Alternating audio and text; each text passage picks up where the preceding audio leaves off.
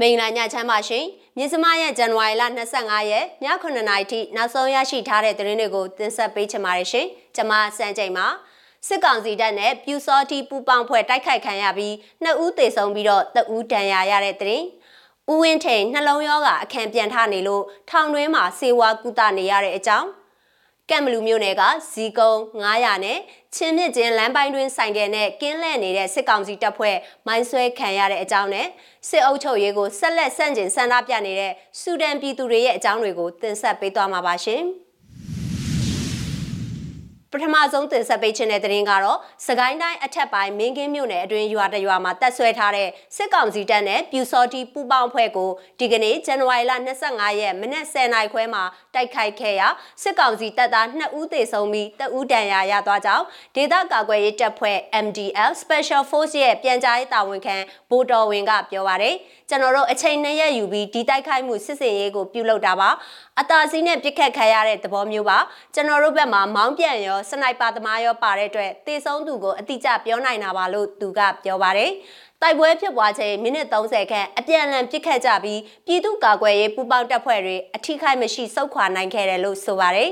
သူတို့အလင်းငိုက်ပြစ်ခံရတာဆိုတော့လက်နက်ကြီးတွေမစင်နိုင်ခင်ပြန်မပစ်နိုင်ခင်ကျွန်တော်တို့ပြန်ဆုတ်ခွာလာနိုင်ခဲ့ပါတယ်လို့ဘိုးတော်ဝင်ကပြောပါတယ်။ MDF Special Force ရဲ့လူမှုကွန်ရက်စာမျက်နှာမှာထုတ်ပြန်ထားတဲ့တိုက်ပွဲရုပ်သံမှာလည်းပြင်းပြင်းထန်ထန်အပြန်အလှန်ပစ်ခတ်နေတဲ့ပုံတွေကိုတွေ့ရပါတယ်။အခုစစ်စင်ရေးကို MDF Special Force နဲ့ Minkin PDF တပ်ရင်းသစ်တပ်ခွဲတစ်တို့ပူးပေါင်းတပ်ဖွဲ့ကအတူတိုက်ခိုက်ခဲ့တာဖြစ်ပါတယ်။ Minkin ဒေသနယ်မြေစိုးမိုးမှုအခြေအနေနဲ့ဆက်ဆက်ပြီးတော့လဲကျွန်တော်တို့တပ်ဖွဲ့တစ်ခုထဲနဲ့တင်ဒီဇင်ဘာလနဲ့ဇန်နဝါရီလဒီနေ့တိုက်ပွဲထိဒီကောင်တွေကို90ကျော်လောက်ထိတတ်ထားနိုင်ပြီးနယ်မြေရလဲဒီဘက်မှာကာကွယ်ရေးတပ်တွေကအတော်လေးလေးစိုးမိုးနေနိုင်ပါပြီလို့ပြောလို့ရမယ်လို့ဗိုလ်တော်ဝင်ကပြောပါတယ်ရှင်။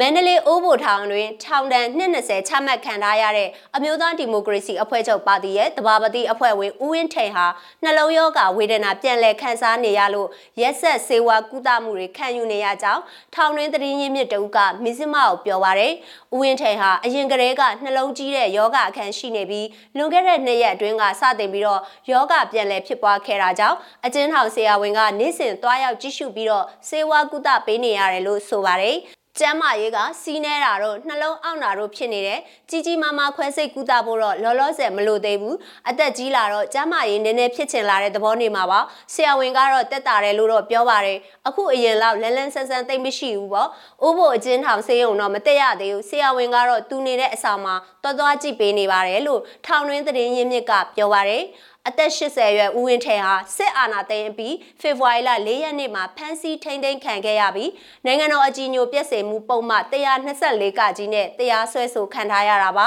။အဲ့နောက်မှာအောက်တိုဘာလ29ရက်နေ့မှာနေပြည်တော်အကျဉ်းထောင်တွင်အထူးတရားရုံးကထောင်ဒဏ်20ချမှတ်ခြင်းခံခဲ့ရပါတယ်။ဦးဝင်းထိန်အနေနဲ့တရားရင်ဆိုင်နေရစဉ်ကာလတွေမှာလည်းလက်သွန်းလက်ဒုက္ခအကူအညီတို့နဲ့တွာလာနေရပြီးတော့အသက်ရှူကျက်တတ်တဲ့နှလုံးရောဂါအခန့်ကြောင့် အောက်ဆီဂျင်မကြာခဏပေးသွင်းနေရပါတယ်။သူ့မှာသွေးသိုးစီးချိုနှလုံး thyroid hormone အားနည်းယောဂစီးကျိတ်ကြီးယောဂတွေရှိနေပါတယ်။ ဦးဝင်းထန်ဟာတက်မတော်မှာဗိုလ်ကြီးအစင်းနဲ့တာဝန်ထမ်းဆောင်ခဲ့ဘူးသူတဦးဖြစ်ပြီး1988လူထုအရေးတော်ပုံကာလမှာတက်မတော်ကာကွယ်ရေးဦးစီးချုပ်ဟောင်းဦးတင်ဦးရဲ့ချိတ်ဆက်ပေးမှုနဲ့နိုင်ငံတော်အတိုင်ပင်ခံပုဂ္ဂိုလ်ဒေါ်အောင်ဆန်းစုကြည်နဲ့ရင်းနှီးပြီးတော့သူမရဲ့ပါတီစည်းရုံးရေးခီးစဉ်တွေမှာလုံခြုံရေးကိစ္စရပ်တွေကိုဦးဆောင်ကြီးကြပ်ပေးခဲ့သူလည်းဖြစ်ပါတယ်ရှင်။ ကမ်ဘလူမြို့နယ်ကသတင်းနဲ့ဆက်ချင်ပါတယ်။စကိုင်းတိုင်းကမ်ဘလူမြို့နယ်ကဇီကုံ900နဲ့ချင်းမြင့်ကျင်းလမ်းတစ်လျှောက်လှည့်လည်ကင်းပတ်လျက်ရှိတဲ့စစ်ကောင်စီဆိုင်ကယ်ရင်တန်းကိုမိုင်းခွဲတိုက်ခိုက်ခဲ့ရာစစ်သားတအုပ်ခြေထောက်မိုင်းထိသွားကြောင်းကမ်ဘလူ Underground Warriors KBU UG အဖွဲ့ကသိရပါတယ်။ဇန်နဝါရီလ23ရက်နေ့လယ်12နာရီဝန်းကျင်မှာကင်းလန့်နေတဲ့စစ်သား၄ဦးပါတဲ့ဆိုင်ကယ်၃စီးရောက်လာတာနဲ့တပြိုင်တည်းအဆိုပါလမ်းပိုင်းမှာအသင်ချထားတဲ့မိုင်းကိုအဝေးထိန်းစနစ်နဲ့ဖောက်ခွဲလိုက်တာဖြစ်တယ်လို့သိရပါတယ်။လမ်းမှာမိုင်းနှလုံးပါဆယ်ထုတ်လုပ်ပြီးလာမာတိလို့ကြိုချပြီးအဝေးထိန်းစနစ်နဲ့ခွဲတာနောက်ကနေတယောက်တည်းစီးလာတဲ့ဆိုင်ကယ်မိုင်းထိပြီးဆိုင်ကယ်ရောလူကောမြောက်တက်သွားတဲ့အဲ့မှာကျန်တဲ့၃ယောက်ကချီပြီးဆိုင်ကယ်တွေနဲ့ပဲဇီကုန်း MEC တကြားဆက်ထဲပို့ကြတယ်လို့ KBU UG ပြန်ကြားရေးတာဝန်ခံကပြောပါတယ်။ဇီကုန်း900နဲ့ချင်းမြင့်ချင်းလမ်းပိုင်းဟာဗျူဟာကျလမ်းဖြစ်နေတာကြောင့်စစ်တပ်ဘက်ကအခုလိုလုံခြုံရေးပတ်ကင်းတွေချထားပြီးခြေကုပ်ယူနေတာဖြစ်တယ်လို့သူကဆိုပါတယ်။အဆိုဆိုပါလမ်းပိုက်ရှိတင်ကုတ်ကြီးဂိတ်ကကာဖို့ဇီကုန်းကိုသွားနိုင်ဖို့အဆိုပါလမ်းပိုက်ဟာတရိကန်ပုံစံဖြစ်နေပြီးဖြက်လန်းတပွဲဖြစ်နေတာဖြစ်ပါတယ်ရှင်နိုင်ငံတကာဘက်မှာတော့စစ်အုပ်ချုပ်ရေးကိုဆက်လက်ဆန့်ကျင်ဆန္ဒပြနေတဲ့ဆူဒန်ပြည်သူတွေရဲ့အကြောင်းကိုတင်ဆက်ပေးချင်ပါတယ်ရှင်။ဆူဒန်နိုင်ငံမှာလွန်ခဲ့တဲ့3လနီးပါးကအာဏာသိမ်းပြီးနောက် လုံခြုံရေးတပ်ဖွဲ့တွေရဲ့ဖြိုခွင်းမှုကြောင့်တေဆုံးခဲ့ရသူအများပြားအတွက်တရားမျှတမှုနဲ့ရက်ဘက်အုပ်ချုပ်ရေးကိုတောင်းဆိုနေတဲ့ဆန္ဒပြပြည်သူတွေကို January လ24ရက်တနင်္လာနေ့ကမျက်ရည်ကိုဘုံတွေနဲ့ပြစ်ခတ်ခဲ့ပါတယ်။ မြို့တော်ခါတော်မှာထောင်နဲ့ချီတဲ့ဆန္ဒပြပြည်သူတွေက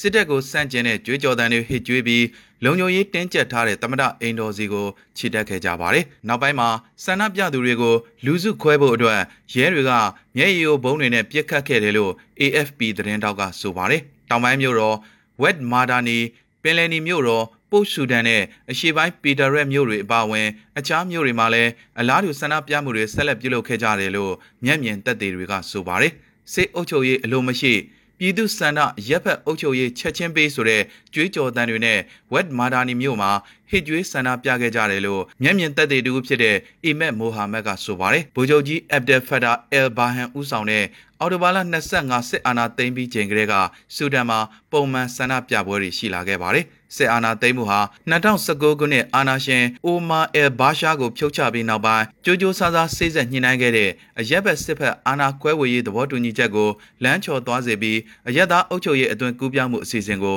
ရပ်တန့်စေခဲ့ပါတယ်။အာနာသိမ်းမှုစန့်ကျင်ရေးဆန္ဒပြမှုတွေကြောင့်အ ਨੇ ဆုံးလူ83ဦးသေဆုံးခဲ့ပြီးယာနဲ့ချီဒဏ်ရာရရှိခဲ့ကြောင်းစေဘတ်ဆိုင်ရာအဖွဲ့တွေကဆိုပါတယ်။ ဆူဒန်အာဏာပိုင်တွေကဆန္ဒပြသူတွေကိုကြီးအစ်စ်များအုံပြုပစ်ခတ်ခြင်းမရှိကြောင်းကျင်းဖန်များစွာညှင်းဆိုထားပြီးဆန္ဒပြပွဲများအတွင်းလုံခြုံရေးဝန်ထမ်းအများပြားဒဏ်ရာရရှိခဲ့တယ်လို့အခိုင်အမာပြောကြားခဲ့ပါတယ်။ယခုလအစောပိုင်းစူဘူးအုံကြွမှုအတွင်းရဲအရာရှိတူဓာတ်ထိုးအသက်ခံခဲ့ရပါတယ်။ မင်းစမရဲ့ဇန်နဝါရီလ25ရက်ည9:00နာရီထိနောက်ဆုံးရရှိထားတဲ့သတင်းတွေကိုတင်ဆက်ပေးခဲ့တာပါကြည့်ရှုအားပေးတဲ့အတွက်ကျေးဇူးအထူးတင်ရှိပါတယ်မြန်မာပြည်သူတွေဘေးရန်တဲ့ပေါင်းကကင်းဝေးကြပါစေရှင်။